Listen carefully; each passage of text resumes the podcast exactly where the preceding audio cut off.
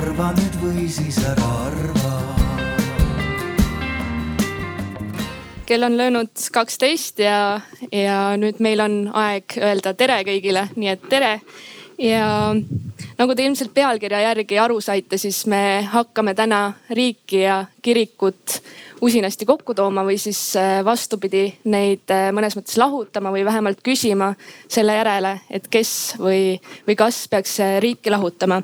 ja minuga on täna laval selle protsessi juures katoliku kiriku apostlik administraator Eestis Philippe Jourdan. tere, tere. usundiloolane Elo Sült. tere. ja politoloog Alar Kilp.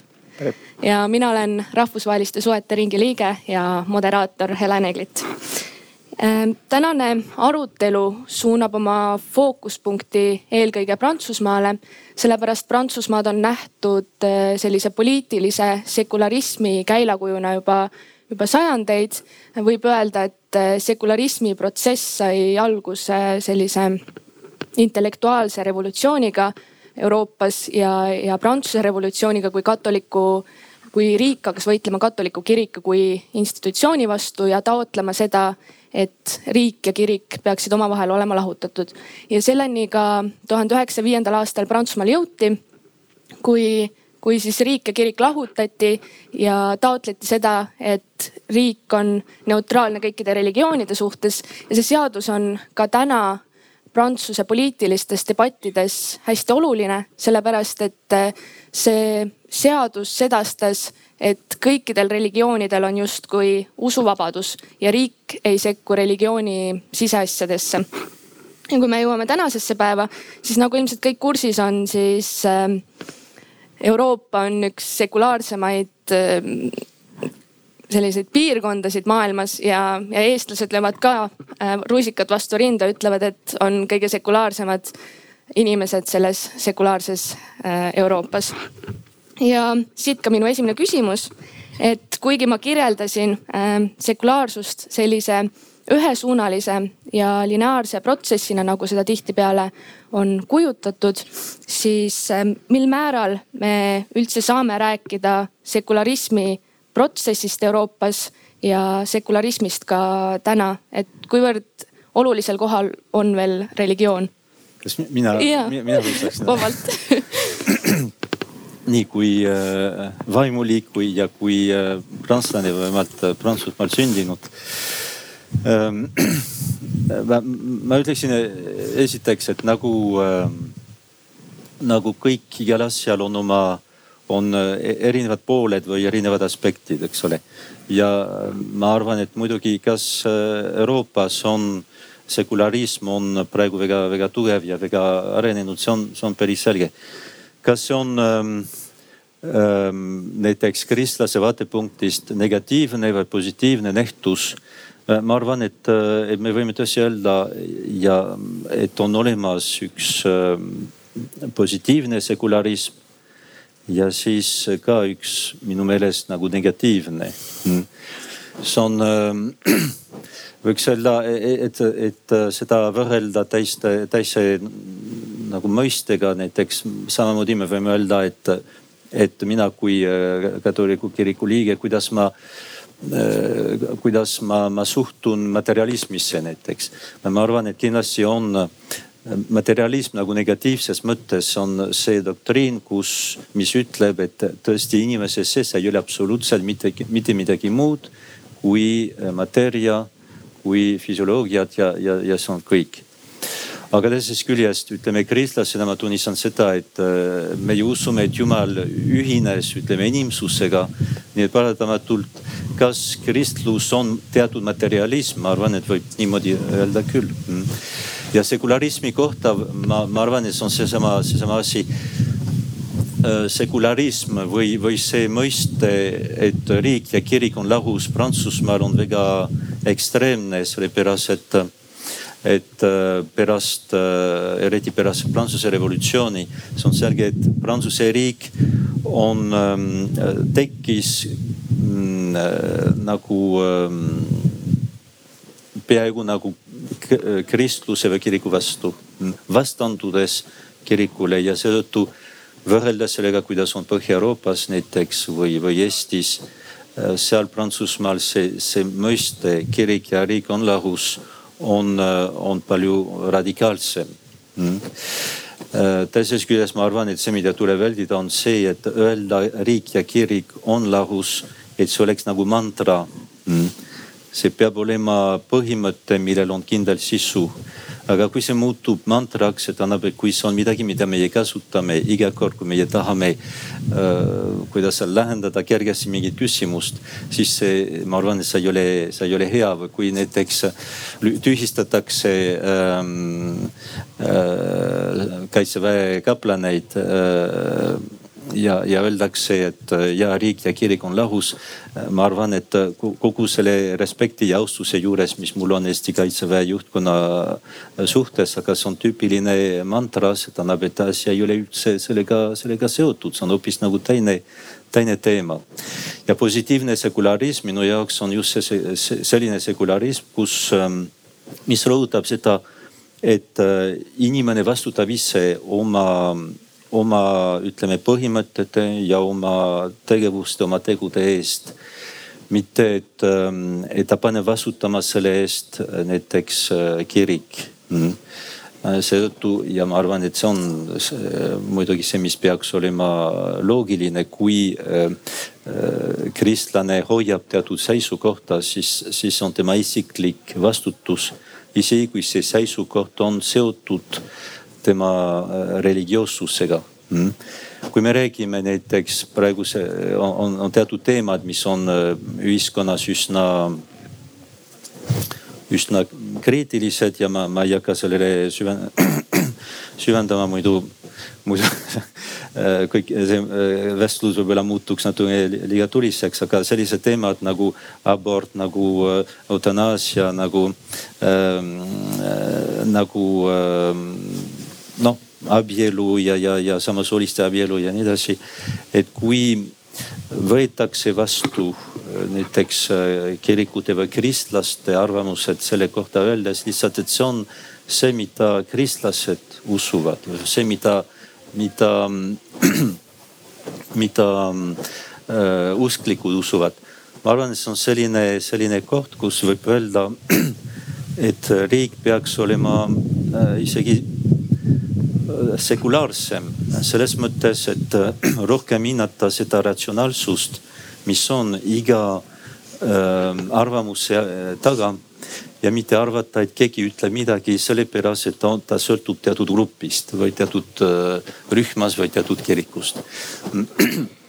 seetõttu ma arvan, et teatud sekularism on vajalik ja on hea aga äh, probleem, mis on olnud viimase sajandite minu meelest on see, et teatud põhimõtted nagu just see kirik ja riik on lahus, on muutunud äh, tõsi mantraks, tähendab, et, et igal pool seda öeldakse äh,. sellega tahetakse seletada asju, mis ei ole üldse sellega seotud ja ma arvan, et see tekitab teatud segadust. nii et, et räägida sel- äh, ja sel, selgelt, et, et kuidas see mitte ainult, et nad peavad olema lahus, vaid mida see tähendab, mida see peab tähendama Eesti ühiskonna jaoks, et riik ja kirik oleksid lahus. ma arvan, et see on tähtis ja, ja sest muidu, muidu iga, igaüks paneb enam-vähem seda, mida ta tahab selle nende sõnade taha. aga kui, kui ütleme, riik hakkab mm, rääkima sellest või sedastama, et kelle vahel võiks olla abielu ja kelle vahel mitte, siis kas justkui riik tungib siis äh, kiriku mängumaale, sest et abielu kui institutsioon on olnud alati justkui kiriku. Äh, tähendab ähm, kirik ei ole kunagi ütelnud, et, et abielu ei oleks üldse seotud äh, riigiga. ja näiteks üks, ähm, üks näide sellest on see, et ähm, et kiriku jaoks selleks, et abielu oleks olemas, muidugi peavad, peavad olema kaks, kaks inimest, kes äh, sõlmivad omavahelised abielu, kes annavad üksteisele. ja seda peab ja selline, see on, peab olema selline osadus, mida ühiskond äh, tunnistab. Mm. ja seetõttu näiteks see, et äh, ühiskond tunnistab, see tähendab, et see, et riik tunnistab ja reguleerib äh, teatud aspekte abielu kohta see iseenesest ei ole nagu see ei, ei, ei lähe kiriku vastu. aga küll see, et riik nagu defineeriks, mis asi on abielu iseenesest, mitte mis, millisel viisil ta ta, ta on reguleeritud. see on seal muidugi, kus meie leiame, et, et riik vahel nagu ületab oma, oma pädevust ja, ja, ja, ja ta ei saa ise otsustada, mis on, mis on abielu, ta ei saa otsustada, mis on inimelu. Inimelu on meile antud. meie elasime, ma, ma ütleksin, inimene oli maa peal enne seda, kui, kui riik oleks olemas ja samamoodi abielu oli, oli ka juba olemas enne seda, kui, kui riik, nii nagu meie seda mõistame praegu, oleks, oleks olemas. Seetõttu ma ütleksin, et kas riik peab nagu seadustama abielu ja muidugi teatud aspektide all see on päris selge aga see, mida ta ei saa teha, see on defineerida äh, abielu, sest äh, abielu ei ole riigi nagu loom, mida, midagi, mida riik loob, vaid midagi, mida riik tunnistab, see on midagi muud. Aitäh, ma nüüd äh, liiguksin või astuksin sammu tagasi ja liiguks jällegi Prantsusmaale. Ja eelmise aasta sügisel toimus islamistlik terroriakt ajalooõpetaja Samuel Paty vastu ähm, mil, mis oli ajendatud sellest, et ta näitas tunnis õpilastele prohvet Muhamedi pilapilte ja seetõttu, äh, kuna ta tegi seda sõnavabaduse raames, on seda nähtud ka kui rünnakut äh, sõnavabaduse vastu. ja pärast seda hakkas valitsus äh, tegelema seaduseelnõuga, mis kandis alguses nime ilmalikkuse ja vabariiklike väärtuste kaitseks Prantsusmaal. ja nüüd juulis võeti see seadus vastu separatismi vastaste meetmetena, mis millega püüeldakse võidelda siseriikliku terrorismiga Prantsusmaal. ja nüüd mitte keskendudes otseselt ainult sellele sõnavabaduse näitel, vaid ka üleüldisemalt. kas äh, võib väita seda, et äh, sekulaarsust justkui nähakse demokraatlike vabaduste ja liberaalsete väärtuste sellise eelduse või, või, või vundamendina, et seda niivõrd tugevasti kaitstakse Euroopas? küsimus siis mulle. Äh, võib-olla tõesti see islami taust ka natuke, aga noh, ma arvan seda, et see Prantsuse situatsioon on teistsugune et ma arvan, et see, mida me näeme Prantsusmaal, sedasama tegelikult me ei saa nagu üle kanda, ma ei tea, Ameerikale või vastupidi, mis Ameerikas on, seda me tegelikult ei saa üks-üheselt üle kanda eh, siis Prantsusmaale või see või ütleme, võtame kasvõi Eesti, et me ei saa nagu sedasama teha siin Eestis, mis tehakse Prantsusmaal. ja ja see, mida nüüd on, ütleme noh, ütleme kõik need erinevad terroriaktid, sest see, mis, mis juhtus selle õpetajaga, see on üks, üks mitmest, eks ju, mis on Prantsuse pinnal toimunud. mille all on äh, siis äh, nii-öelda siis äh, noh, ütleme, mis, mis situatsiooni on see riik pandud ja ka selle riigi poliitikud pandud. ja mis probleemid on ka nii-öelda sotsiaalsed, poliitilised, integratsiooniprobleemid. sest mina nagu näen vahel seda, mis ähm, mis siis Prantsuse valitsus teeb, et see on ka teatud mõttes selline integratsioonipoliitika. Et see on nii nii-öelda terrorismi nii-öelda siis äh, ennetamiseks ja, ja, ja selle kuidagi sellega ümberkäimiseks. aga ka sellega, et, et on probleem. Meil on, on probleem teatud äh, vähemusgrupiga ja me püüame seda kuidagi nagu äh, nii-öelda siis lahendada. Me peame seda kiiresti kuidagi lahendama, sest meil on need situatsioonid tekkinud aga nad ei leia, et see, et noh, see on see küsimus, et kas see on nagu hea lahendus, et kas me, kui me jälle midagi piirame, kui me jälle nagu võtame uue seaduse vastu, mis, mis teatud, ütleme siis keelustab noh, kasvõi nagu mingisuguste erakoolide siis loomist ja, ja nii edasi. et kas see nagu aitab tegelikult kaasa nüüd ütleme siis takistada terrorismi ja ja, ja kas me ütleme, et, et see, mis tehakse Prantsusmaal, et kas selline asi näiteks noh, ma ei tea, üle kanda näiteks Eestisse, et kas midagi niisugust võiks Eestis nagu toimuda, siis ma võiks ütelda, et ma arvan, et ei. Ma arvan, et meil on hoopis teistsugused nii-öelda teistsugune kontekst. noh, kasvõi nagu integratsiooniprobleemidelt on meil hoopis teistsugune kontekst. ja, ja ma arvan millegipärast, et need lahendused, neil on lihtsalt, et need, need seadused, mis on vastu võetud, on kiired lahendused, et leida väga kiireid lahendusi nendele väga rasketele probleemidele. aga see nagu ei, see on lihtsalt selline probleemi lahendus.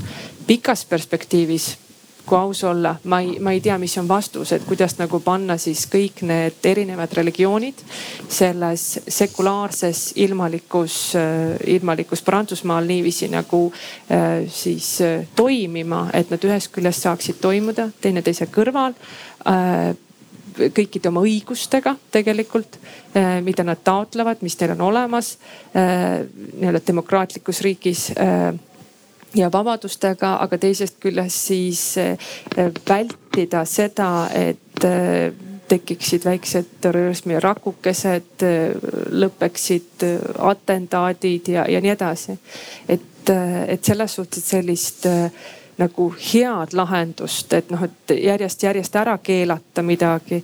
et see vastupidi tavaliselt nagu siis see rakuke läheb lihtsalt kuskile põranda alla, kuskil mujal tehakse midagi, midagi muud ja ikkagi see atentaat toimub et noh, mina näen, et see nii-öelda siis eh, järgmine sulgemine, järgmine piirang ähm, noh, ütleme siis kõikide religioonide suhtes see nagu ei, ei vii sihile mm,. nagu mm ma mõtlengi seda, et, et kui me räägime sellest sekulaarsusest, siis äh, nagu sa tõid välja, siis me natukene nagu üha enam piirame.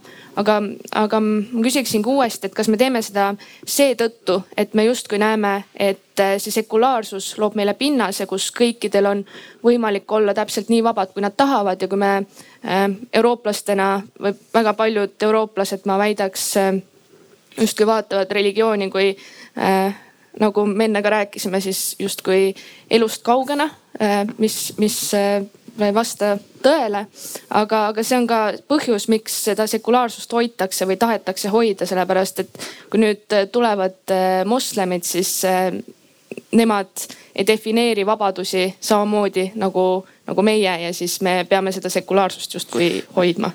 kui, vabandust. ma, ma nii palju kommenteeriks, et ma, ma julgeks ütelda, et isegi nagu sekulaarsus kui niisugune, mis tähendab lihtsalt riigi ja siis äh, äh, ütleme siis nagu usukonna või ütleme usuinstitutsiooni äh, siis äh, nii-öelda lahus hoidmist. et kui me võtame islami tasandi, siis see on algusest peale olnud ka islamis, et nii-öelda kaliif ja imaam on ikkagi kaks erinevat institutsiooni ja nad ei ole olnud niisugust kaliif-imaam ei ole nagu olnud, eksisteerinud ja alati on olnud ikkagi nagu kaliif on nii-öelda siis selles ähm, ilmaliku või ütleme siis selle nagu riigi, eks ju, juhina ja siis on olgu siis need mingid vaimulikud nõukogud ja nii edasi, mis on loodud selleks, et kaitsta siis äh, usuasju, otsustada usuasju asju, kaitsta õigust, usuõigust ja nii edasi. aga teisest küljest, et see on nagu, see on nagu olemas olnud ka nagu kuidagi, see ei ole nagu võõras midagi, mis nagu oleks näiteks islamile võõras, et sellist asja ei ole. aga loomulikult on siis teatud nagu grupid, kes nagu väidavad, et ei saa, et noh, neile ei meeldi niiviisi tõlgendada, nemad tahavad omamoodi tõlgendada asja ja ütlevad, et vot peab olema nii nagu nii-öelda kõik koos, eks ju, üks valitseb, üks usk, üks nagu vastavalt siis ütleme šariaadile ja nii edasi et selles suhtes eh, ja ma tooks nagu siis vastuse sinu küsimusele, et minu arvates võib olla riik ja siis nii-öelda kiriku institutsioon või usuinstitutsioon on küll lahus. aga küsimus on see, et kas tegelikult ühiskond ise on ikkagi nii-öelda kuidagi religiooni vaenulik või religiooni vastane et mina julgeks ütelda, et ühiskond võib olla nagu väga religioonilembeline. küsimus on muidugi see, et kas see on mingi noh, ütleme, et mis religioon see siis on, mis institutsiooniga ta on seotud. et ühiskond ise on ikkagi nii-öelda see noh, ütleme siis religiooni suhtes avatud samamoodi kasvõi nagu Lähis-Idas, et me võime nagu luua seal ka riigid, kus riik ja noh, ütleme siis mingi usuinstitutsioonid on lahus. aga probleem on selles, et ühiskonnas ise on teatud niisugused kirjutamata reeglid, millest väga hoitakse kinni. et see nii-öelda see usk elab iseenesest nagu eksisteerib selles ühiskonnas. ja minu arvates ka Euroopa nagu ühiskonnas ei saa me ütelda, et Euroopa ühiskond on nüüd nagu väga usuvaenulikuks muutunud või, või seda usku on seal järel nagu väga-väga vähe isegi jah, Eesti ühiskonnas äh, on usklike osakaal tõesti langenud, aga see ei tähenda seda, et uskumised ja usku, ütleme noh, erinevad uskumused on noh, mahub palju neid siia. ja kui, kui tohiks, ma tahaksin natukene tagasi tulla just selle ähm, nagu Prantsusmaa juhtumi juurde, ma arvan ka, et äh, kuidas öelda, see on see, et, et äh, sündmus ise või see atentaat näiteks, et nad äh, tapsid seda nagu õpetajat, on ähm,, et tal on religioosne äh, kuidagi nagu välimus või, või aga, aga mulle tundub siiski, et suurel, suurel määral, et küsimus ei ole nii palju nagu usuga iseenesest, vaid, ähm, vaid just sellega, et vaid pigem nagu kommetega, mis antud juhul muidugi on seotud selle rahva äh, religiooniga. aga äh, vahel meie, me peame ka natukene vahet tegema, kui, äh, kui inimene millegipärast arvab, et ta on solvatud sellest, mis teeb tema identiteeti, eks ole. Ja see võib olla seotud tema religiooniga, aga see võib, see võib ka olla seotud, ma ei tea, tema kommetega või, või, või midagi muud ja siis, äh, siis hakkab, no muutub agressiivseks. ma arvan, et äh, seal see küsimus ei ole ainult äh, tõesti nagu sekulaarsuses, mis, mis on pigem seotud nagu religio-, religioossusega vaid, vaid just nagu sa, sa ütlesid nagu integratsiooniga, et, et olgu, et võib-olla keegi solvas mm, Muhamed, aga, aga kui ta oleks solvanud midagi, mida ma ei tea, araablased peavad väga, väga kalliks, isegi kui see ei ole religioosne isiksus, võib-olla tulemus oleks olnud seesama. see on sama asi, kui, kui mulle öeldakse ja vaadake, kuidas Põhja-Iirimaal need katoliiklased ja protestantid omavahel nagu ütlesid ja nii. aga tegelikult probleem ei ole nii palju selles, et need inimesed olid katoliiklased või, või protestantid, tegelikult protestantid Põhja-Euroopa, Põhja-Iirimaal ja, ja katoliiklased, nad on kaks, kaks erinevat rahvast, kellel on ka erinev päritolu ajalooliselt ja geograafiliselt see tähendab, et äh, need protestantid sisuliselt on need, keda äh, Inglismaa kuninga, kuning, kuninga on, kuningas on, on, on toonud sinna. Ja nad on alati nagu kuidagi ennast identifitseerinud just selle, selle võimuga ja, ja lisakatoliiklased on rohkem need, kes tulid äh, ja nagu lõuna, Lõuna-Iirimaalt. kui äh, kõik oleks olnud katoliiklased või kõik oleks olnud protestantid, ma, ma ei usu, ma ei ole päris kindel, et, et see oleks midagi parandanud, sest, sest see probleem oli äh, hoopis kuskil mujal. probleem oli pigem selles kuidas öelda, nende nagu sidemetes või suhetes, mis oli Iiri, Iirimaa ja Inglismaa vahel. seetõttu vahel meie nimetame religioosseks probleemiks midagi, mis tegelikult on pigem poliitiline või mis on etniline probleem. ja, ja, ja seetõttu seal on, on, on, on vaja vahet teha, muidu riigis hakkab seda võtma kui ainult religioosset probleemi ja hakkab mõtlema, et, et religioon on, on, on just probleem ja mida vähem meie räägime religioonist, seda, seda parem. aga probleemid võivad küll kasutada religioosseid mõisteid või religiooni, aga väga sageli probleem ise ei ole põhimõtteliselt religioosne, ei ole seotud usuga, vaid on pigem seotud Eh, või etniliste küsimustega. ja, ja seal on, see on küll selline moment, kus, kus peab äh, asja nagu tõsiselt arutama. näiteks Prantsuse assamblees või, või parlamendis ma mäletan seda, mida tolleaegne ähm, Pariisi peapiiskop ütles, et, et see laïcité, see tähendab äh, Prantsusmaa sekulaarsus, võiks öelda, või sekulaarsus Prantsusmaa moodi, ei saa olla selline, et lihtsalt ta, ta arvab, et ta täitub siis, kui ta takistab religiooni äh,, takistab seda, et religioon saaks ennast väljendada. Mm see muidugi see küsimus oli ka nagu peakattega või nagu tüdrukute peakattega koolides ja nii edasi. Et kui arvatakse, et meie lahendame probleeme siis, kui, kui meie keelame või takistame seda, et, et religioon, et inimesed saaksid väljendada oma religioosset tunnet, siis, siis ma arvan, et sellega meie ei, ei lahenda tegelikult probleeme, mis on reaalsed, aga mille juured ei ole või ei ole ainult igal juhul seotud äh, ühe usuga. tõite välja selle, et äh, äh, probleem ei ole religioonis ja riik ei tohiks võtta seda suunda, et probleem on religioonis, aga kas või noh, Macron pärast neid rünnakuid sõnas, et islam on kriisis üle kogu maailma ja islam vajaks valgustust äh,, viidates justkui sellele Ehm, kuidas meie siin Euroopas valgustasime iseennast mõni sajand tagasi ilmalikul teel ja, ja kas, kas justkui Malar, küsiksin teilt, et kas, kas riik on sellise väitega justkui enda neutraalsust säilitanud religiooni suhtes ja, ja mis siis ikkagi kriisis on, et, et kas on võimalik öelda, et üks religioon on kriisis? kaks asja vaataks lahus, üks on see, kuidas riik ja kirikud või usuühendused toimivad. ja teine asi on see, et kuidas räägitakse või et see rääkimine ei ole tegelikult Macroni teema ju ei ole islami kaasajastumine või, või midagi sellist, vaid mingis kontekstis ta kasutab väljendit. Meil on Tartu Ülikoolis politoloogia professor ka olnud, kes praegu teda, ta ei ole meil enam, aga ta on ka kasutanud väljendit, et islamis pole olnud reformatsiooni see väljend iseenesest on islamit tegelikult alavääristav ja väljend ise pärineb otse kolonialismist. Nii et kui ma ei peagi väga pingutama, kui tahta neid kahte asja nagu kokku panna, et Macron kasutas kolonialistlikku midagi sellist retoorikat, aga seda peab vaatama alati koos, kooskõlas.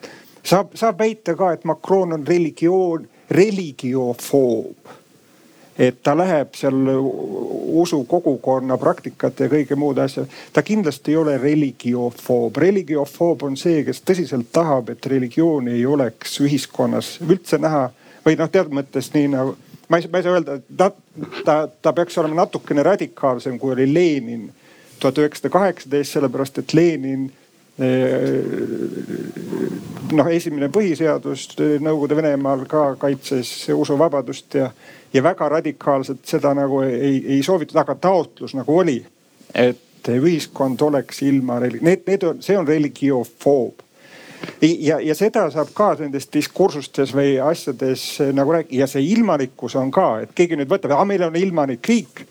et ja et see nüüd kuidagi ei sobi kokku või et ma natuke tuleks tagasi selle ilmalikkuse juurde ja arvamusfestival siin on ilmalik üritus. sellel üritusel osalevad usklikud inimesed ka teiste seas ja usuühenduste esindajad.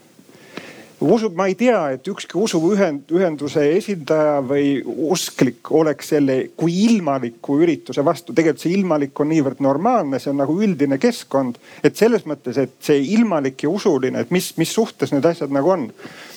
et Ameerika Ühendriigid loodi selle, nii-öelda kaasaegne Ameerika Ühendriik loodi selle mõttega, et just usulistelt kaalutlustelt see riik peaks olema ilmalik riik, et keegi ei saa kehtestada oma religiooni.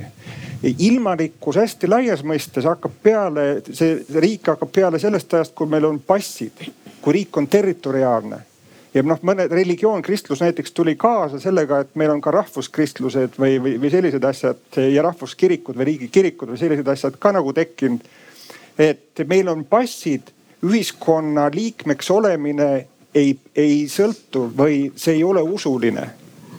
Meie riigi seadus ja seaduste legitiimsus või otsuste legitiimsus põhineb rahva suveräänsusel ja niimoodi tegelikult noh nii-öelda see on see taust, mis on see üldine ilmalikkuse taust. Ja selle taustal saab rääkida väga vabalt ka Euroopa sekulaarsusest. See on midagi, Euroopas on olemas ka oma Euroopa õigus ja oma selline suhtumine, et kuidas noh, kui, kui palju saavad, saab riigiti varieerida noh, kas, kas see on probleem, kui kuskil Taanis on veel riigikirik või et kui palju riigi ja religiooni suhted võivad varieeruda, ilma et nad oleksid põhimõtetega kuidagi vastuolus.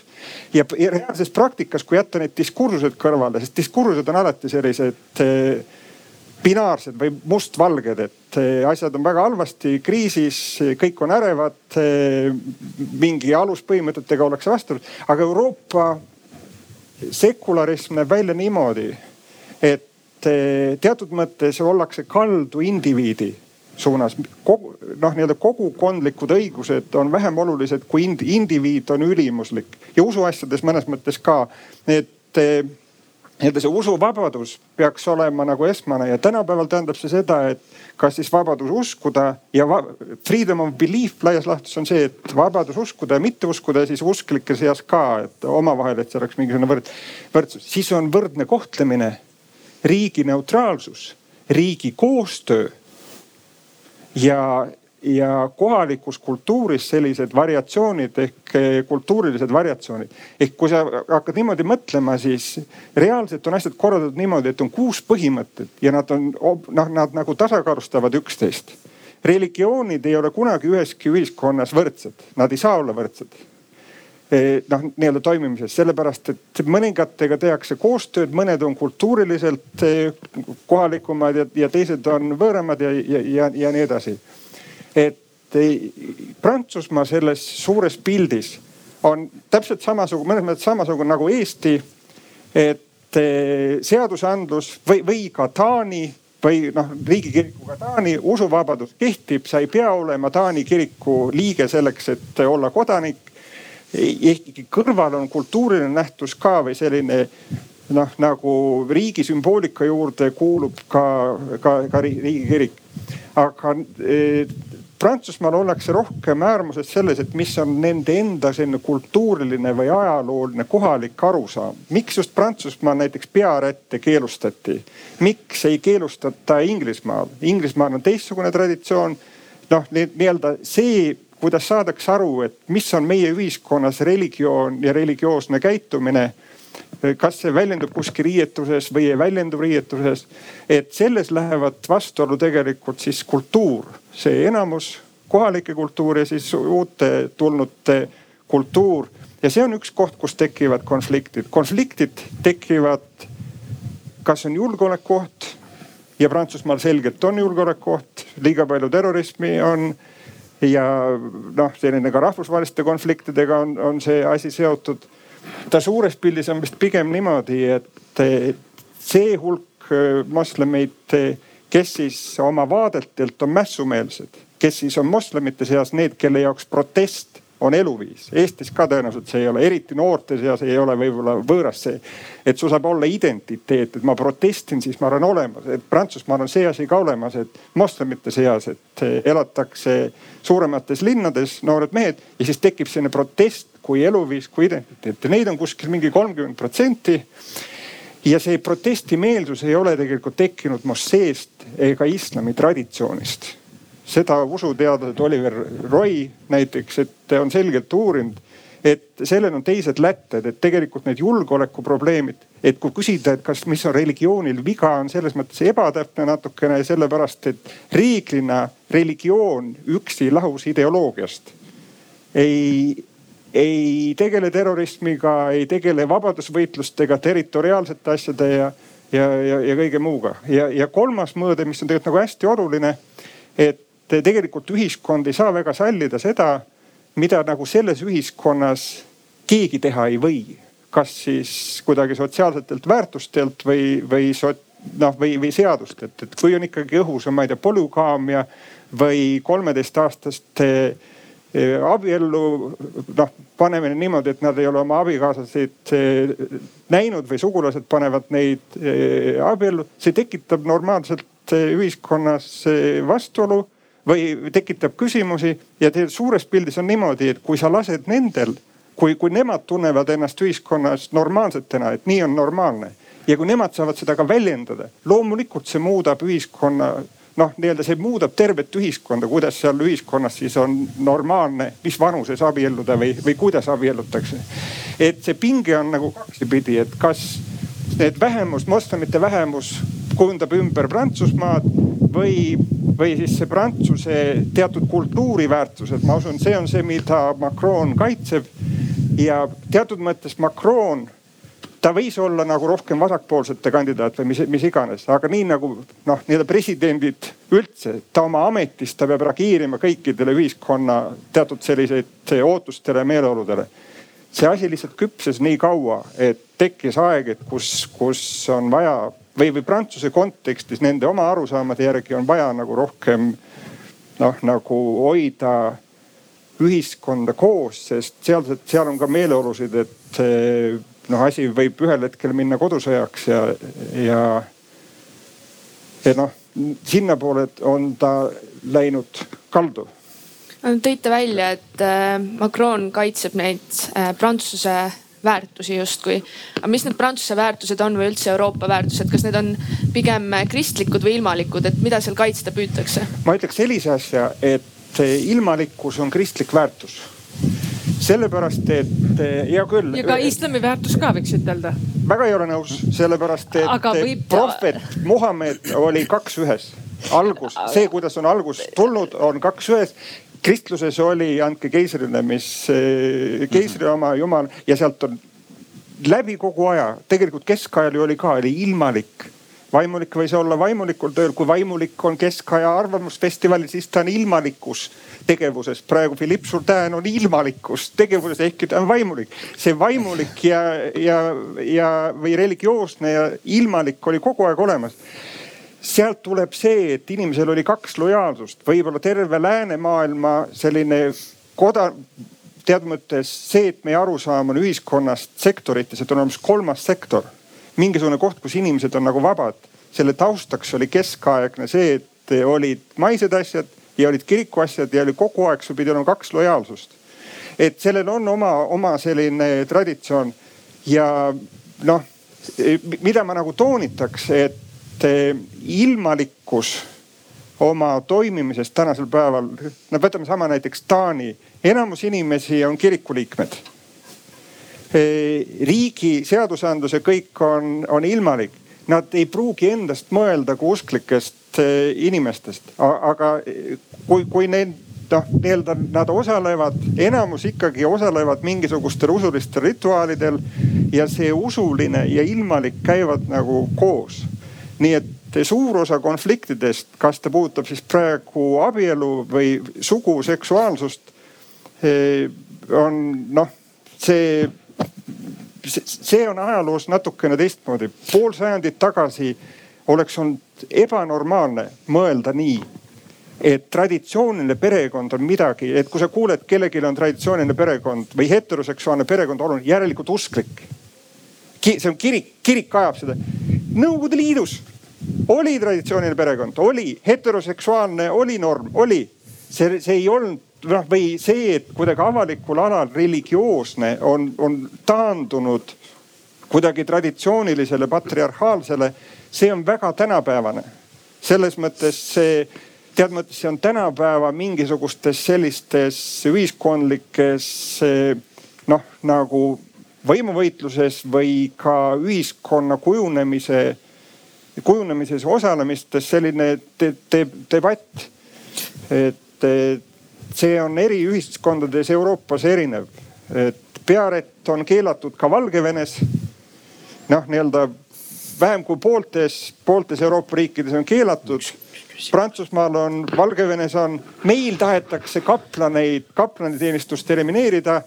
Prantsusmaal kõigest sellest lahutatusest hoolimata kaplan, kaplaniteenistus toimub hästi see noh, nii-öelda üks asi, näiteks kui, kui me siin mõtleme, et ilmalik ja religioosne ja või et kas kaasaeg ja tulevik, Euroopa tulevik oleks, et mida vähem vaimulikke armees või kaplanid armees, seda parem on. vale. vastupidi, kui meil ei ole ühel päeval ühtegi kaplanit enam armees. NATO-s on sellest väga raske aru saada. vaadake, kas on kaplanid armees, Kanada armees, Ameerika armees, Prantsuse armees Saksa armees. noh, või, või selles -hmm. mõttes, et seda, see nagu Philipp ütles ka, et see ilmalikkus on ka retooriline selline noh, kui me omavahel mõtteid vahetame siin võime, võime noh, nagu me, me võime rääkida Euroopa, Euroopa kuidagi religioonivõõrast või, või sellisest mingist Euroopast ainsusest, see kõik on võimalik. et aga see on retoorika, see, see ei ole, ei ole praktika ja praktikas on eh, see, tegelikult on küllaltki hästi paika loksunud need viisid, kuidas sekulaarselt korraldatud ühiskonnas saab toimida usuvabadus ja mis on siis religiooni roll selles.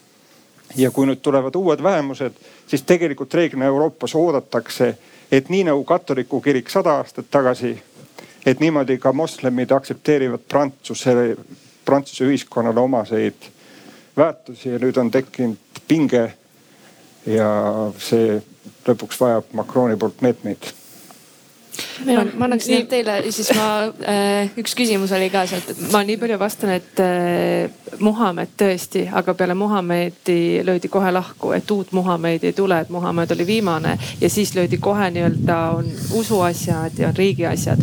aga ma olen nõus sellega, et see, mis puudutab, ütleme siis islamiste ja, ja nende nagu arusaama selle, sellest, et kuidas religioon on seotud riigiga, siis nemad tegelikult loomulikult võtavadki Muhamedi aja aluseks ja lähtuvadki sellest, et nii nagu prohvet elas, peame meie ka nagu tegema niiviisi. et, et selles suhtes äh, läbi ajaloo kuni tänapäevani on otsinud tegelikult ka islamiühiskond erinevad, olgu see Egiptus, olgu see siis äh, Jordaania, Liibanon ja nii edasi. erinevad filosoofid, õpetlased seda nagu nii-öelda ka islami sekular, sekularismi või ilmalikkust, et kuidas see võiks toimuda ja see debatt on seal nagu olemas täielikult kuni, kuni tänaseni, eks ju.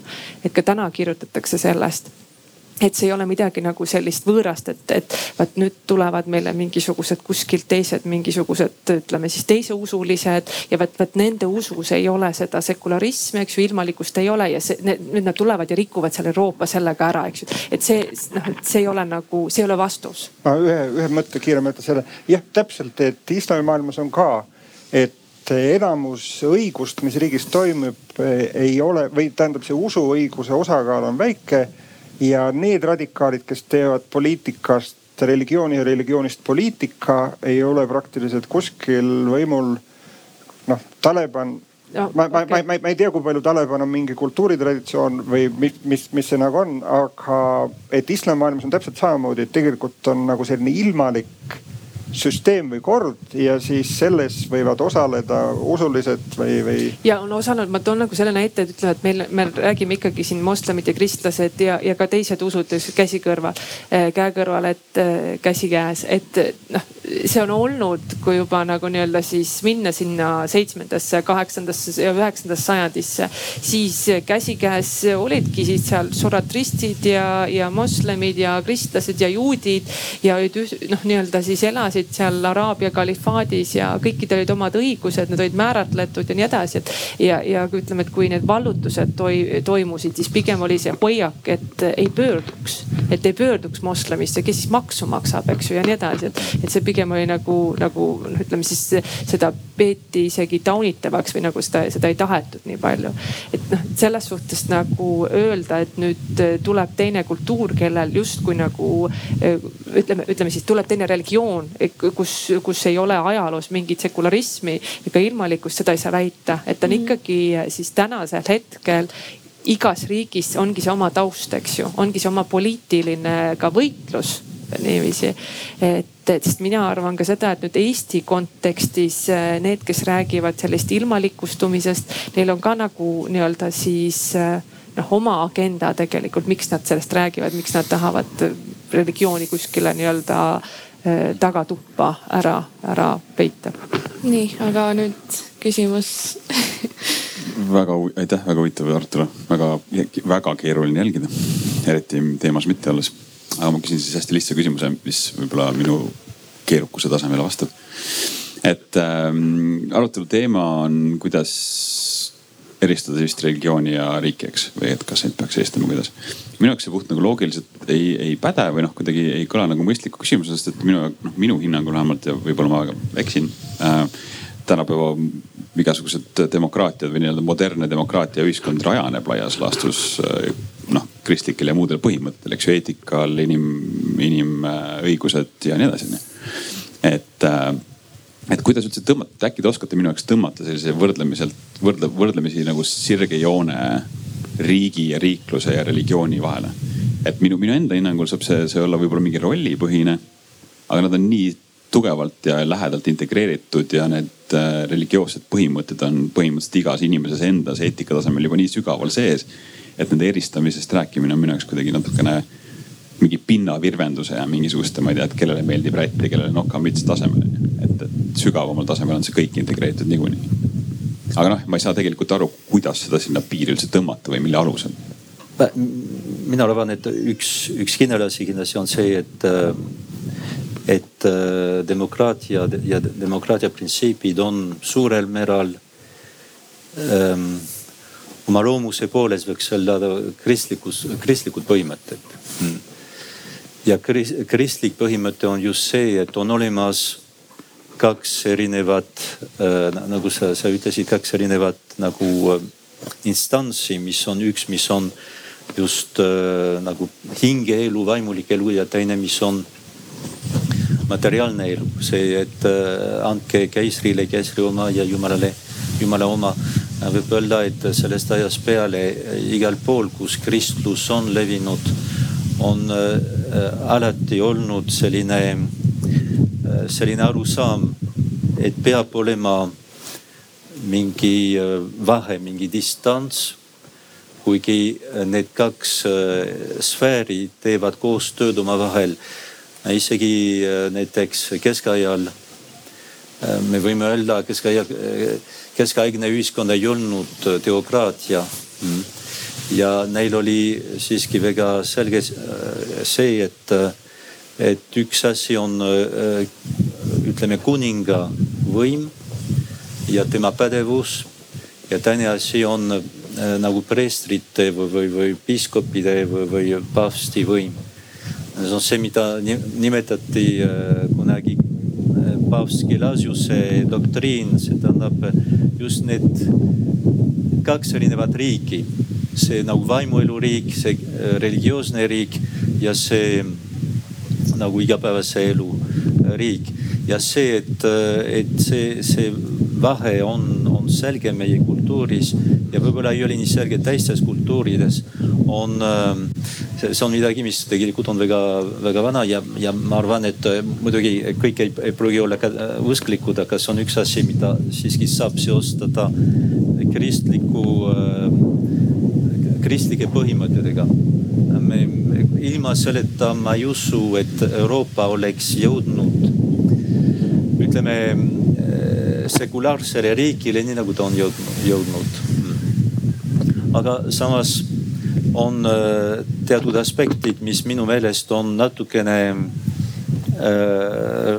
muutnud sajandite jooksul suhtumist äh, ja just seda eriti Euroopas Gelasiuse doktriin ütles enam-vähem seda, et, et on teatud vahe, üks asi on see religioosne sfäär, teine asi on avaliku elu või riikliku elu sfäär. aga kõige tähtsam on siiski ähm, see, mis see hinge maailm, sellepärast et see on meie igavene, igavene elu. ja siis, ähm, siis pärast tuli ja ma arvan, et see on olnud üks oluline oluline moment ka kiriku äh, Euroopa ajaloos. see on just reformatsiooni ajal mm.. Ähm, kuidas öelda, see printsiip, et kirik ja riik on lahus, see on ilus printsiip, aga peab ütlema, et meie ei näe seda äh, niisama, kui, kui ma, ma, ma jalutan äh, Paide tänavatel, ma, ma, ma ei saa kohe teada, kas siin riik ja kirik on, on lahus. aga on üks teine printsiip, mis, mis on kuidagi enne seda tulnud ja mis on veel väga nähtav meie nagu Euroopas ja ka Eestis. see on äh, see, et kuidas äh, reformatsioon, reformatsiooni ajal või pärast seda, kuidas kuningad omavahel ja, ja erinevad võimud püüdsid ähm, leida omavahel kokku leppida rahu.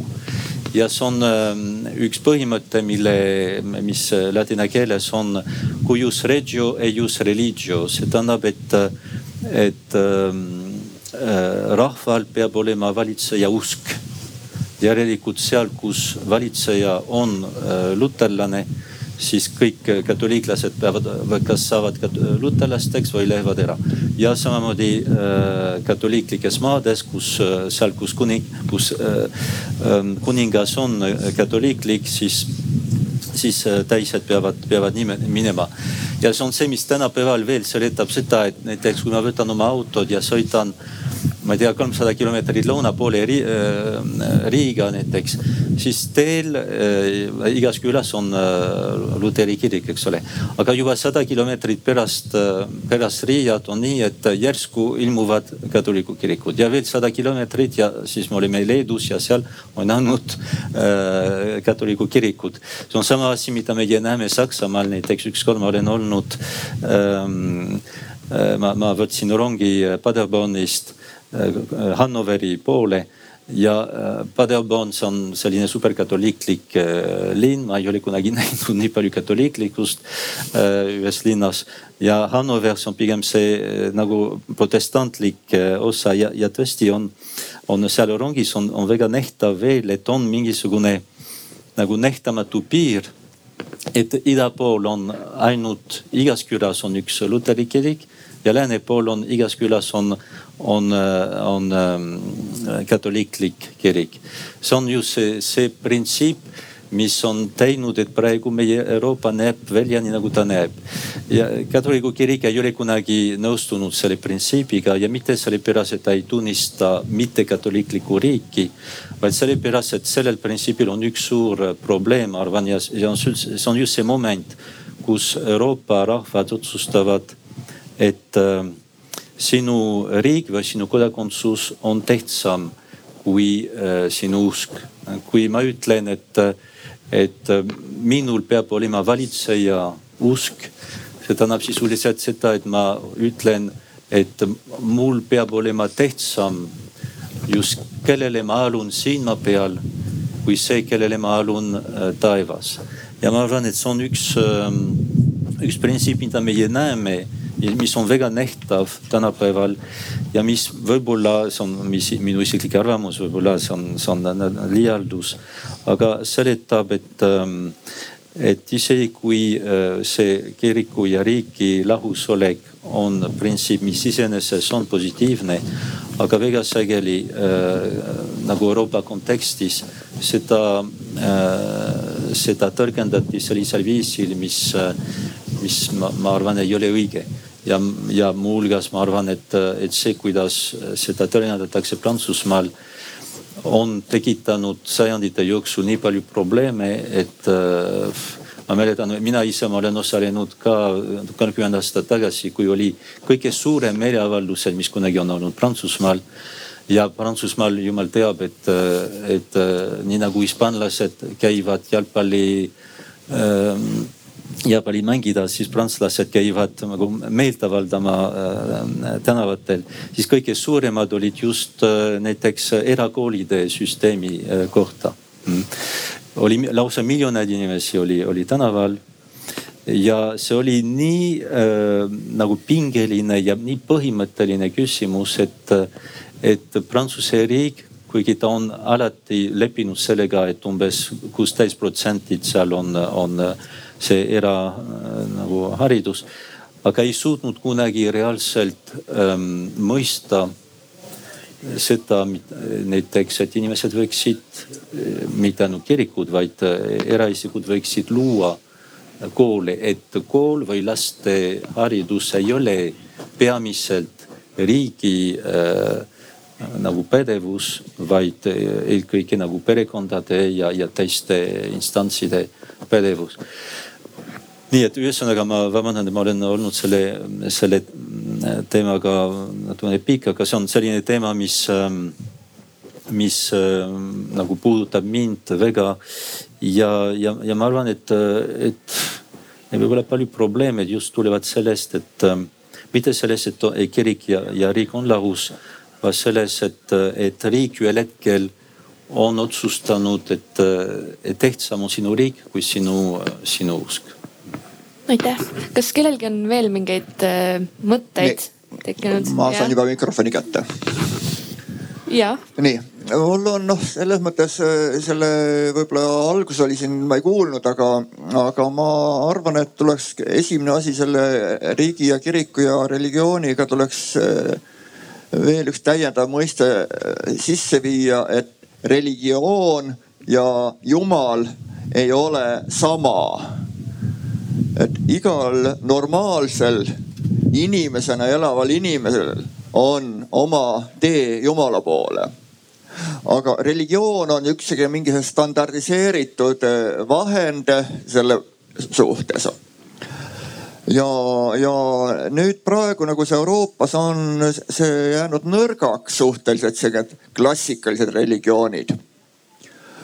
Ja, ja selle tulemusena on nüüd üks aasta või juba kak, varsti kaks aastat Eestis olnud üks uus religiooni võiks öelda kuritarvitamine või diktatuur või religioossete võtete kasutamine inimeste suhtes ehk see on koroona akbar. ma tohib, ma. jaa, võib. et eh, religioon ja, ja, ja jumal ei ole üks ja sama. mõnes mõttes on kõik, kõik nagu loogiline, et eh, näiteks kool ja noh õppimine ei ole ka päris üks-ühele, et inimene õpib kogu elu kõige kiiremini õpib eh, enne, enne lasteaeda esimestel eluaastatel, sellist formaalset koolitust seal ei ole. inimene õpib kõige paremini vajadusest, kogemusest ja praktiliselt. mõni on isegi eluaeg eh, kõrghariduse pedagoog olnud eh, inimesed on teinekord öelnud, et kõik olulise õpib inimene viimselt ise. et selles mõttes ma saan öelda nagu, et kool, koolitamine on mõnes mõttes eraldi kui, kui haridus sellest nagu ta. ja see, et jumal ja religioon ei ole meil on hümnis, see on ilmalikkuse teemal hea, hea näide, ülmis, hümnis on kolmas salm ja seal lauldakse palvet Jumalale.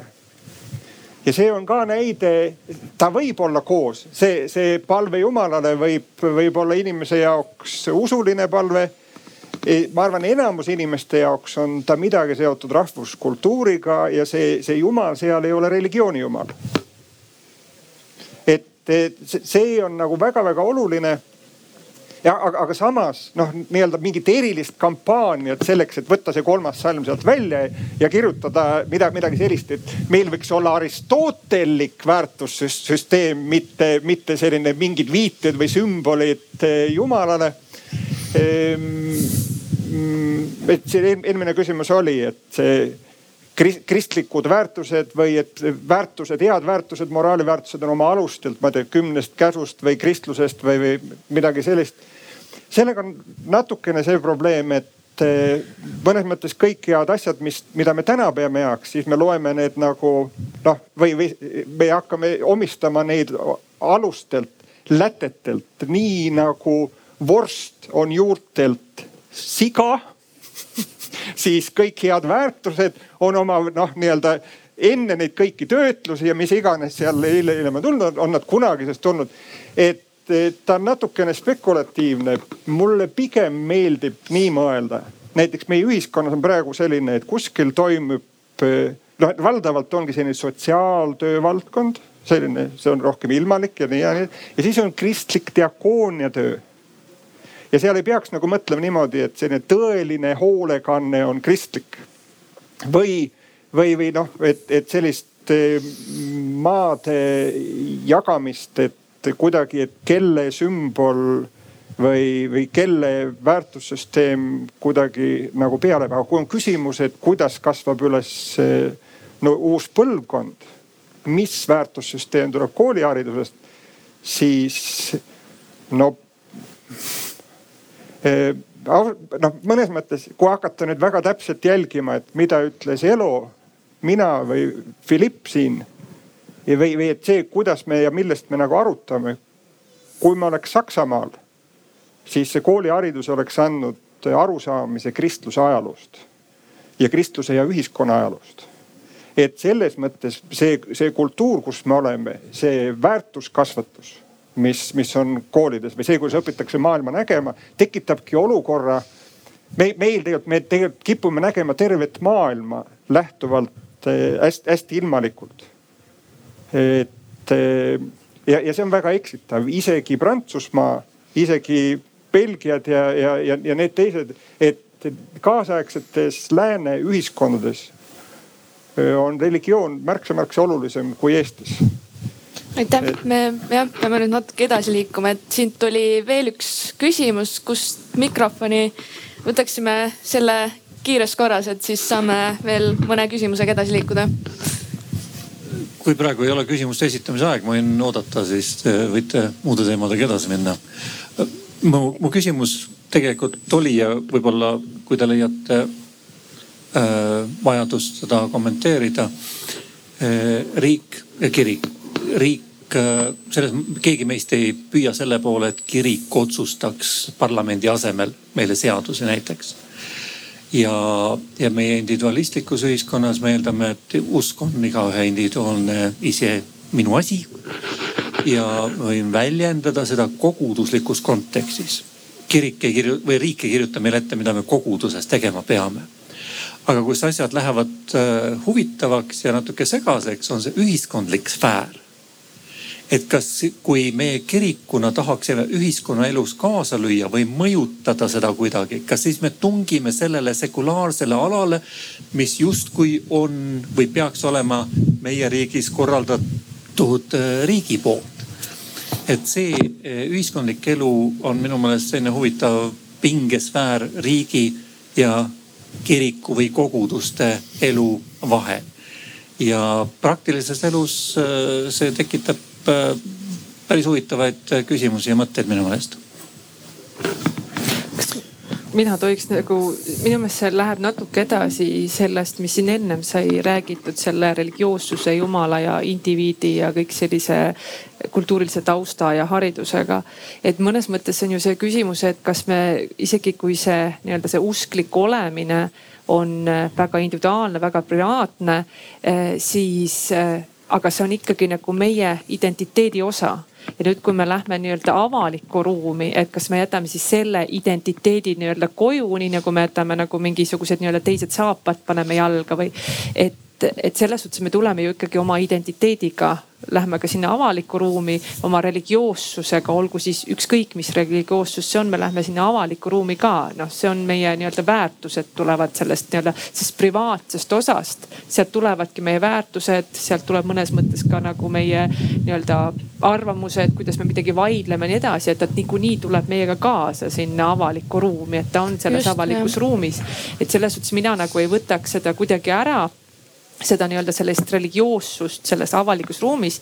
teine asi on see, eh, kas see nüüd, kui igaüks tuleb nüüd selle religioossusega avalikku ruumi ja tahab sinna nii-öelda kirikut ehitada, see tähendab seda, et ta tahab midagi niisugust, ma ei tea, institutsiooni püsti luua ja ütelda, et see on nüüd minu eh, noh, nii-öelda see on, see on minu arvamus, mitte ainult see on minu arvamus, vaid ma loongi, et siis ma võtan nagu selle seaduse vastu vastavalt oma arvamusele ja ma panen ka teised vastavalt selle seadusele käituma. et siin tuleb nagu siis minu arvates nagu see konflikt, aga see on loomulik, et ma tulen oma väärtus mm -hmm. väärtustega sinna avalikku ruumi ja ka täidan. noh, igaüks tuleb sellega ja täidab selle avaliku ruumi, sest sellel avalikus ruumis ei ole lihtsalt väärtusi. ma lisaksin jah siia otsa, et siin äh, minu arust tuleb väga selgelt esile see äh, naiste õiguste küsimus ja näiteks äh, burka või burkiini keelamine.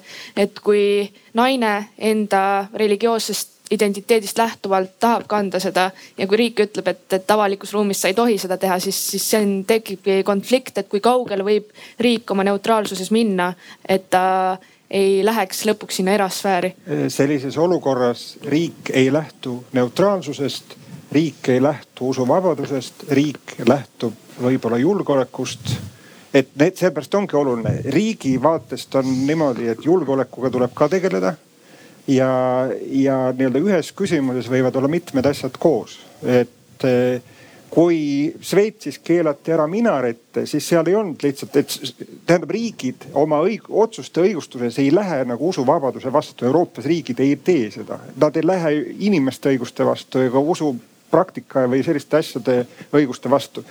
Šveitsis oli linna siis maastikule ei sobinud või, või, või midagi sellist. Viimselt väga legitiimne argument ja see käib muuseas selle kirikute osaluse kohta ka, et Eh, sa, sa väita, et demokraatia või, või kohalik kogukond ei, ei nii-öelda teemos, teemos ei sobi või, või, või midagi sellist. kui kirikute nõukogu on võtnud vastu seisukohti, nad on väga hoole, hoolikalt tõlkinud neid seisukohti tegelikult üldiselt arusaadavasse keelde, ega kirikud ei, ei suru peale dogmat või, või midagi sellist. kirikud on kodanikuühiskonnas ka osalised koondavad tõenäoliselt rohkem inimesi, kui koondavad praegu erakonnad oma liikmete poolest. ja, ja selles mõttes nad väljendavad oma, kuidas öelda, oma kogemust, oma ka huve, nii nagu teised ühis, ühiskonna liikmed ja kirikud toetuvad ka argument, kirikud tegelikult oma ühiskondlikus sellises osaluses, poliitilises osaluses, nad ei toetu sellele, et sellepärast, et Paulus ütles nii või Pauluse kirjas on kirjas nii, sellepärast peab nüüd Riigikogu eh, tegema teatava otsuse, et eh, osapooled oskavad sekulaarsesse ilmalikku keelde oma seisukohti tõlkida. no ma küsiks kohe siit eh, vastu, et sa tõite selle julgeoleku küsimuse sisse, aga kuidas nagu see, et me nüüd ütleme näiteks naistele, et bikiini tasemel äh, või tähendab burkiini asemel te peate rannast kandma bikiine, et kuidas see kuidagi julgeolekuga seotud on, kui nüüd banaalselt mm. niimoodi küsida? ei, ma, seal võib olla iga, see võib olla, ma ei tea, kohalikud normid mis, mis, mis, mis noh, nii-öelda läänes on pigem soositud see, kui naised võtavad riided seljast ära.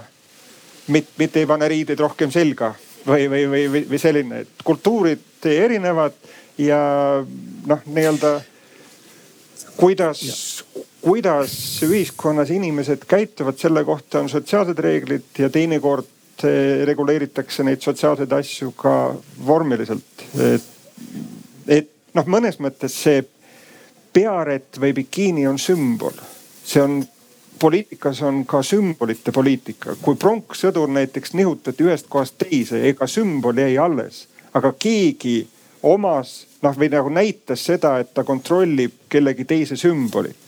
ja siis see sümboli nihutamine teatud mõttes muutis nagu olukorra. et, et noh, need ku,, kuidas inimesed reageerivad, mis see inimestele tähendab, kuidas see grupipsühholoogiliselt toimib, mis võitlusi või, või mis enesehinnang seostub inimestel, kui, kui midagi keelatakse või, või, või vastupidi, kui pearätid tekivad kuskile tänavapilti. et need on äh, taustaks ka, aga ma lihtsalt ütlesin, et, et valitsused ei õigusta või noh, mõnes mõttes nad ei saagi õigustada, ei, ei saa minna vastu olla äh, usuvabaduse või sellist, selliste asjadega. Ja, ja reeglina see õigustus tuleb siis mujalt, näiteks üks asi võib olla julgeolek ja ma, ma, see on praegu, ma arvan, see on väga-väga oluline küsimus just, et, et on teatud, teatud olukordi, kus, kas on äh, põhjusi, mis äh, teevad, et riik võib väliselt piirata teatud olulist vabadust, nagu näiteks äh, usuvabadust. ütleme kõrgema või, või teatud vajaduse, mm, vajaduse pärast, näiteks see probleem, mis meil on praegu väga-väga aktuaalne, see vaktsiin, vaktsiinide probleem, eks ole.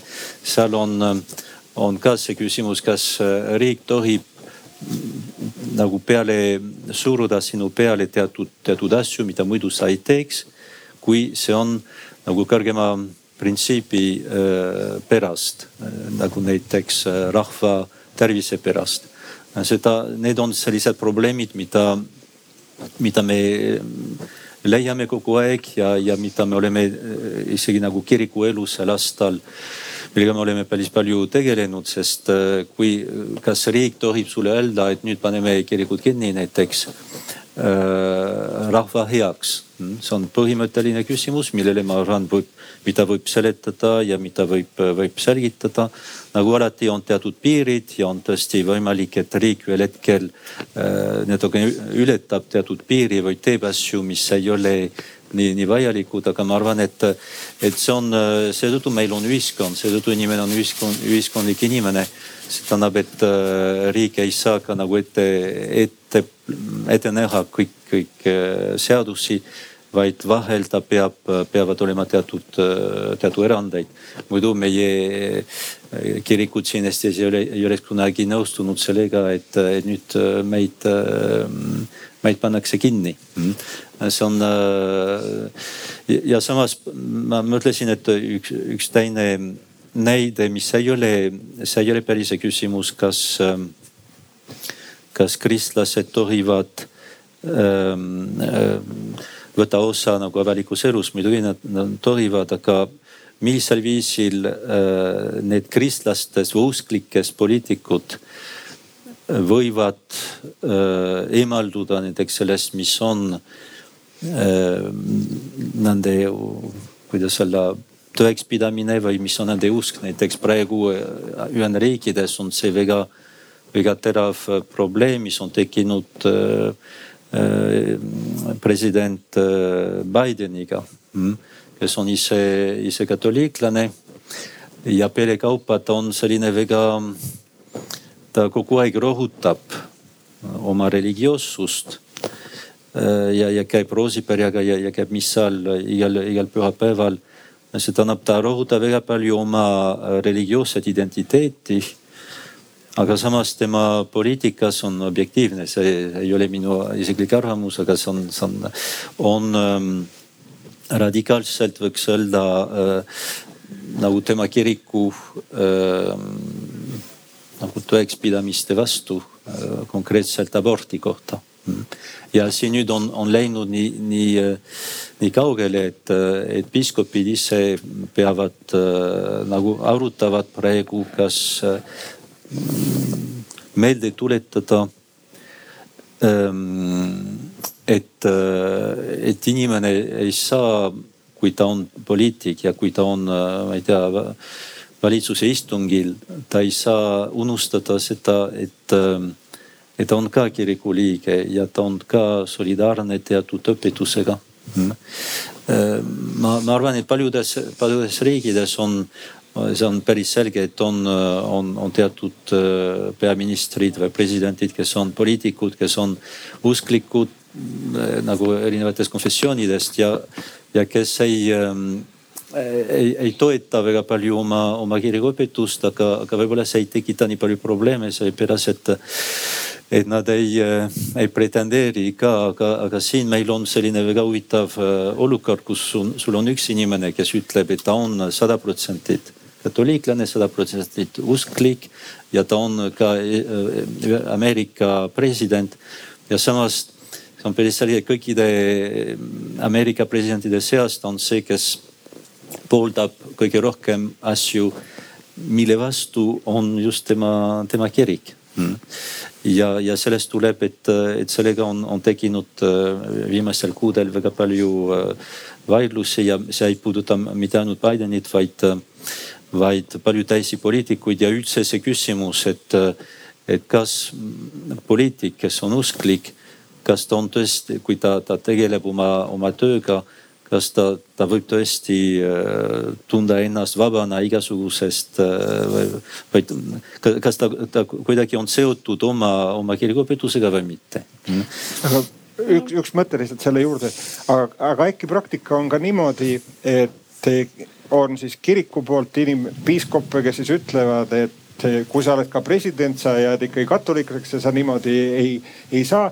president ütleb, Biden ütleb, et tema ja tema naine kindlasti abort, noh nii-öelda aborti mitte mingil juhul, aga et teistele, noh küsimus on, et ka, kas, kas teistele ma ei tea, peale suruda või et noh, et küsimus on, et mida teised teevad, et ta põrgatab natukene selle küsimuse edasi, jäädes ikkagi katoliiklaseks ja jäädes abordi vastu. ja, ja kuskil siis on see noh, nii-öelda erinevad osapooled võivad öelda, et katoliku kirik ei tohi presidendile öelda, president peab olema kõigi president, mitte ainult katoliklaste president. et on mitmed eriarvamused ja tegelikult on selline noh pro, protsess kulgeb edasi, et või, või kas see on kuidagi tupikseis, suudavad need piiskopid noh panna kuidagi Bidenit sellisesse kahvlisse, et nüüd, nüüd, nüüd ta peab mingeid oma hoiakuid või oma otsuseid muutma tähendab mingil määral nad, nad ütleme, nad ei, ei hakka nagu hukka mõistma või ekskommunikeerima Bideni, seda nad on ütelnud, aga, aga lihtsalt äh, meelde tuletada, et on teatud poliitilised otsused, millel on ka nagu ähm, äh, tugev moraalne sisu ja järelikult, mida, mida kirik võib äh, ka pidada ühesõnaga patuks mm see, see on, see on äh, keeruline probleem ja, ja, ja mil määral õnneks, et siin mul sellist probleemi ei ole, aga, aga ma saan aru, et, äh, et ei saa ka lihtsalt öelda, et kui sa oled poliitik, niikuinii sa pead hoolitsema kogu rahva eest. nii sa ei pea üldse arvestama sellega, mida sinu kirik ütleb, aga kui sinu kirik ütleb, on see, mida sinu südametunnistus ka sulle ütleb, siis mingil määral, kas poliitik võib öelda Äh, rahva esindamise nimel, rahva esindamise nimel ma, ma võin minna omaenda äh, südametunnistuse vastu. selles on see küsimus ja ma arvan, et see on väga põhimõtteline küsimus ja, ja lihtsalt äh, see on midagi, mis praegu ega ma, ma, ma ei oska öelda, kuidas nad täpselt lahendavad, lahendavad seda probleemi, aga ainult see, nad on püstitanud seda probleemi, see ütleb juba palju nüüd äh, tõmbaksin äh, küsimusega äh, taas meid natukene sinna julgeolekuteemade juurde ja Prantsusmaale. jätkate, jätkates seda, seda eelmist küsimust, et kuivõrd kaugele võib üldse riik minna niimoodi, et ta ei hakkaks nende seadustega, mida ta ühe religiooni suhtes kehtestab, et ta ei hakkaks sellega justkui mingit sellist äärmuslust juurde tekitama, sellepärast et võib ju väita, et, et et sekulaarsuse või riigi tugevnemine ja religiooni selliste mingite lahkude tugevnemine käib käsikäes, et nad kuidagi üksteisele reageerivad alati mina kommenteeriks seda niiviisi, et äh, see käibki käsikäes. Ja, ja selles suhtes nüüd ütelda, et äh, ütleme, et see lahendus ei ole nii selline, et äh, riik peaks ütlema, et aga ma ei tee nüüd seda. Et ma tegelikult ei anna seda, ütleme sellist julgeolekumeedet välja. Ja, ja ja mõtleb sealjuures, et ma ei tee seda sellepärast, et noh, muidu ma võin tekitada veel rohkem mingeid rakukesi ja, ja siis tegelikult olukord halveneb.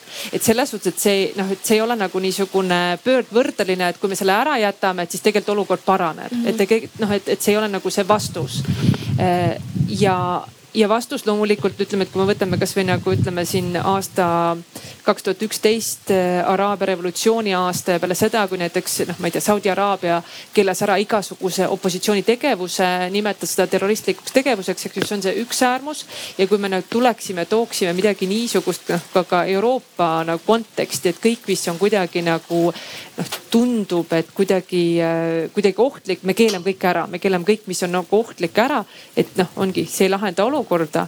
aga ma arvan seda, et, ähm, et äh, noh, mina, mina näen küll, et niisugust äh, ütleme, et piirata, et piiratagi noh siis äh, niisuguste, ma ei tea, organisatsioonides niikuinii nagu väga palju niisugused rakukesed on mõnes mõttes nii-öelda siis järelevalve all juba ja, ja noh, ütleme siis iga see julgeolekuaparaat ju kogu aeg töötab, et see nagu ei hakka siis tööle, kui mingisugune seadus võetakse vastu.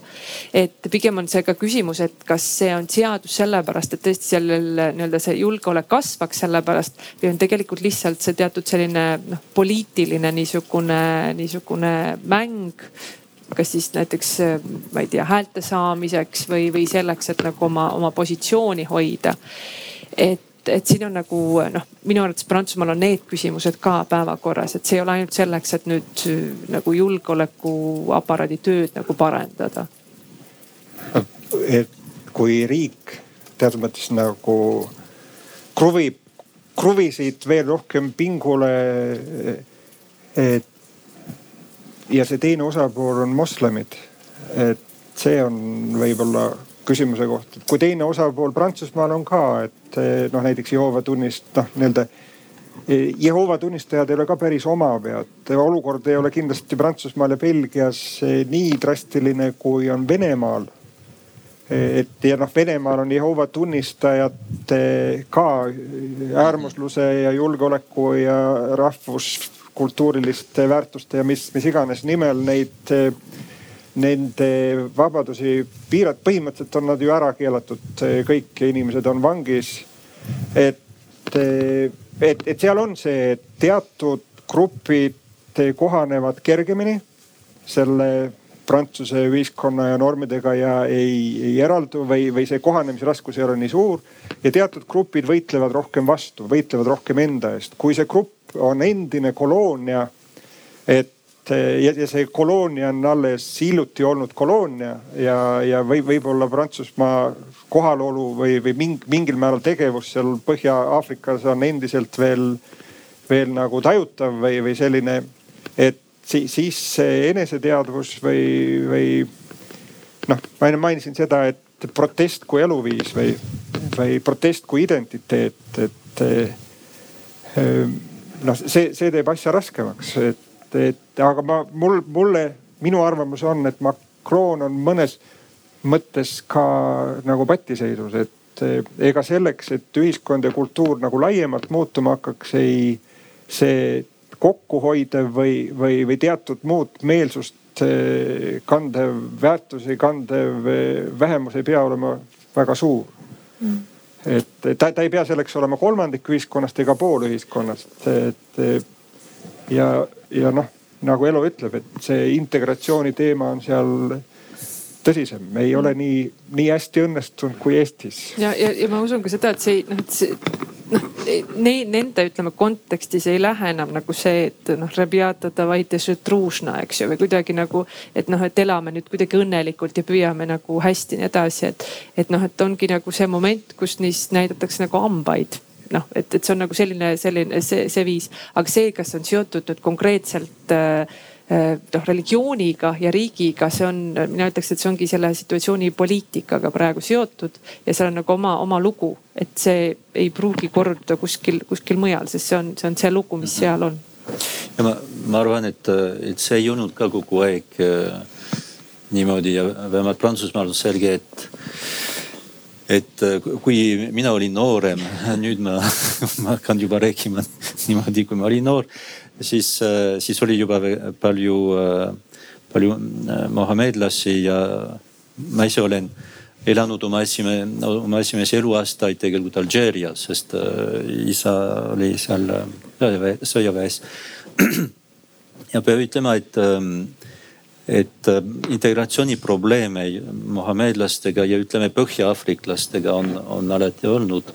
aga selge on see, et, et äh, see radikaliseerumine, mis, mis praegu on teatud gruppides, et, äh, et seda mulle tundub, et varem vähemalt sellisel viisil ei olnud. see identiteediga nagu otsimine ka nagu ei, ei olnud nii, nii, nii, nii tugev kui, kui praegu. Need, kelle, kui mina, ma, ma püsin, olin ülikoolis kaheksakümnendatel aastatel. Mul oli väga palju äh, sõpru, kes olid kas mohamedlased, kes olid sündinud Prantsusmaal või kes olid tulnud äh, endistest kolooniadest.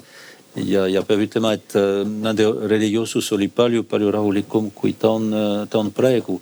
See, mis minu jaoks ei ole selge, on, mis on tekitanud seda, neid, seda nagu muutmist, mis on teinud, et rahvas, kes ei olnud tegelikult nii äh,, ei tundnud ennast nii halvasti kakskümmend, kolmkümmend aastat tagasi.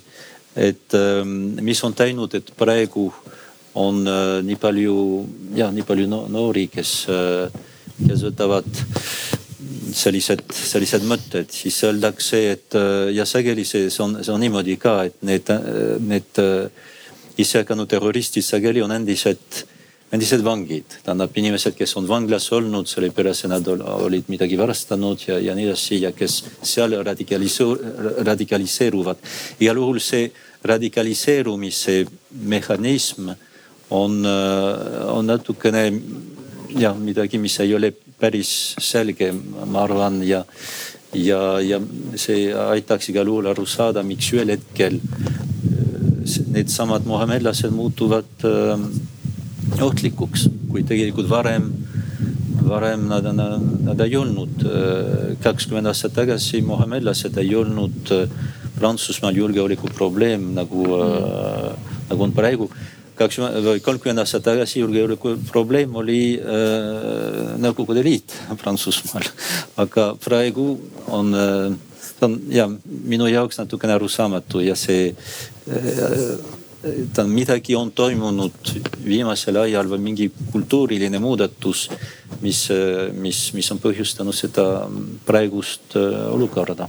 nii, aga meil on nüüd alla viie minuti veel lõpuni, ma võtaksin siit ühe küsimuse ja siis mhm. tõmbame kokku ka. et see on selle ratsionaliseerumise kohta, et kas see võib olla sellest, et kui ütleme, et riigil on äh, kodaniku ees teatud kohustused aga ütleme, et ta ei ole suutnud neid kohustusi täita, keegi on maha jäänud et kirikul, kellel neid kohustusi tegelikult ei ole, et siis noh, ta on neist lihtsalt ilma jäänud, riik on ära võtnud, ta on ise neist loobunud. et siis näiteks kirik ei tunne vastutust nende inimese ees ja ta ei aita neid mm. -hmm aga te mõtlete, et äh, milline kirik siis, islami? Äh, ükskõik milline kirik, sellepärast et tegelikult äh, Koraan keelab igasugused massihävituskirjelvad see on sõnasõnaliselt keelatud.